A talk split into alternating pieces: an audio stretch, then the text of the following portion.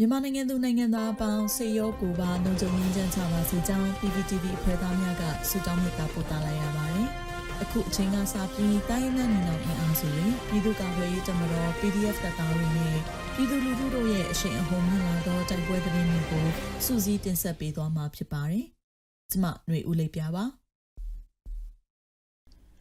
ပထမဦးစွာ ဒဇယ်ရွှေတကြီးတိုက်ပွဲတွင်အင်အားတရာပါစစ်တပ်စစ်ကြောင်းအထိနာခဲ့တဲ့သတင်းတင်ဆက်ပါမယ်။စကိုင်းတိုင်းဒဇယ်မြို့နယ်ရွှေတကြီး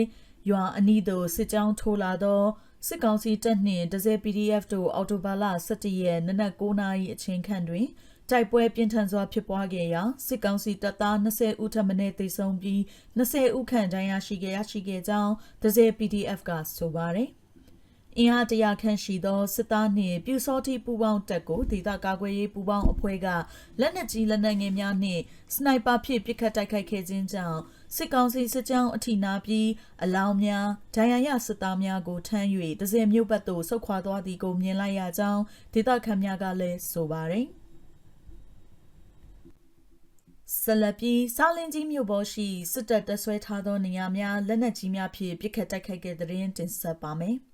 စကိုင်းတိုင်းဆောင်းလင်းကြီးမြို့ပေါ်ရှိအကြံဖက်စစ်တပ်တဆွဲထားသောနေရာများကိုကာကွယ်ရေးတပ်ဖွဲ့များကဒုတိယအကြိမ်တိုက်ခိုက်ခဲ့ကြောင်းသိရှိရပါသည်။စာလင်းကြီးမြို့ပေါ်ရှိအကြံဖက်စစ်တပ်တဆွဲထားသောမြို့နယ်ရဲစခန်းနှင့်မြို့နယ်စီမံခွဲရေးလှုပ်ဆောင်နေသည့်နေရာများကို Brother Defense Force တပ်ဖွဲ့နှင့်မဟာမိတ်ညီနောင်များကလက်နက်ကြီး40မမ60မမ80မမ120မမတို့ဖြင့်အောက်တိုဘာလ10ရက်နေ့ည9:00နာရီခန့်မှတိုက်ခိုက်ခဲ့တာပါ။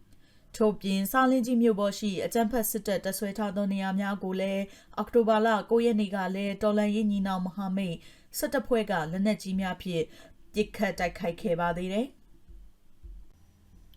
မြောင်တွင်ကြေးရွာနေရွာကိုမိရှို့ဖျက်ဆီးခဲ့သည့်စစ်တပ်ရင်တန်းမိုင်းဆွဲတိုက်ခိုက်ခံရလို့ထိခိုက်ဒေဆုံးမှုတွေရှိခဲ့တဲ့သတင်းတင်ဆက်ပါမယ်။ စကိုင်းတိုင်းမြောင်မြို့နယ်ရှိကြေးရွာနှစ်ခုကိုမိရှုဖျက်ဆီးခဲ့သောစစ်သားများလိုက်ပါလာသည့်စစ်ရင်တန်းကိုဒေသကာကွယ်ရေးတပ်ဖွဲ့များကမိုင်းခွဲတိုက်ခိုက်ရာစစ်သားထိခိုက်ဒေဆုံးမှုရှိခဲ့ကြောင်းမျက်မြင်တွေ့ရသူတွေကဆိုပါတယ်။မြောင်မြို့နယ်ညောင်ကားရရွာနှင့်ပန်းညိုရွာကိုမိရှုဖျက်ဆီးခဲ့တဲ့စစ်သားများလိုက်ပါလာသည့်ကား12စီးပါစစ်ရင်တန်းကိုညင်းချန်နဘူးအိုင် လမ်းပိုင်းတွင် MGN 35ပျောက်ကြားတပ်ဖွဲ့ကပဒေသာမိုင်းငါးတွဲဖြင့်ဖောက်ခွဲတိုက်ခိုက်ခဲ့ရာရှေ့ပြေးမောင်းနှင်လာသောကားခုနှစ်စီးကိုထိမှန်ကစစ်သား6ဦးသေဆုံးပြီး20ကျော်ထိခိုက်ဒဏ်ရာရရှိခဲ့ကြောင်းမြင်းကျန်35ပျောက်ကြားတပ်ဖွဲ့ကထုတ်ပြန်ထားပါတယ်။နောက်ဆုံးအနေနဲ့ထဝယ်ရေးကားလမ်းပေါ်တွင်စစ်ရင်နှန်းမိုင်းဆွဲခံရတဲ့တဲ့တင်ဆက်ပါမယ်။ထဝယ်ရေးကားလမ်းပေါ်ရှိ မောင်မဲရှောင်းရွာအနီးတွင်ယနေ့နနက်ပိုင်းစစ်ကားကိုစီပါရင်နှန်းကိုကြားဖြတ်မိုင်းဆွဲတိုက်ခိုက်မှုတရက်ယနေ့နနက်ပိုင်းဖြစ်ပွားကြောင်းဒေသသတင်းရင်းမြစ်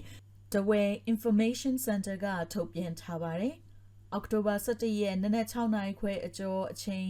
တဝဲဘက်မှရေဖြူသို့ဦးတီတက်လာသောစီရင်နှန်းကိုမိုင်းသုံးလုံးဖြင့်ဖောက်ခွဲတိုက်ခိုက်ခြင်းဖြစ်ကြောင်းဒေသခံများကပြောပါရယ်။ အဆိုပါဖောက်ခွဲမှုတွင်ဖက်စစ်စစ်တပ်များထိခိုက်ဒေဆုံးများနိုင်၍မြည်သည့်အဖွဲ့အစည်းကနေလှုပ်ဆောင်ခဲ့ခြင်းကိုမသိရသေးကြောင်းဒေသခံများကဆိုပါတယ်။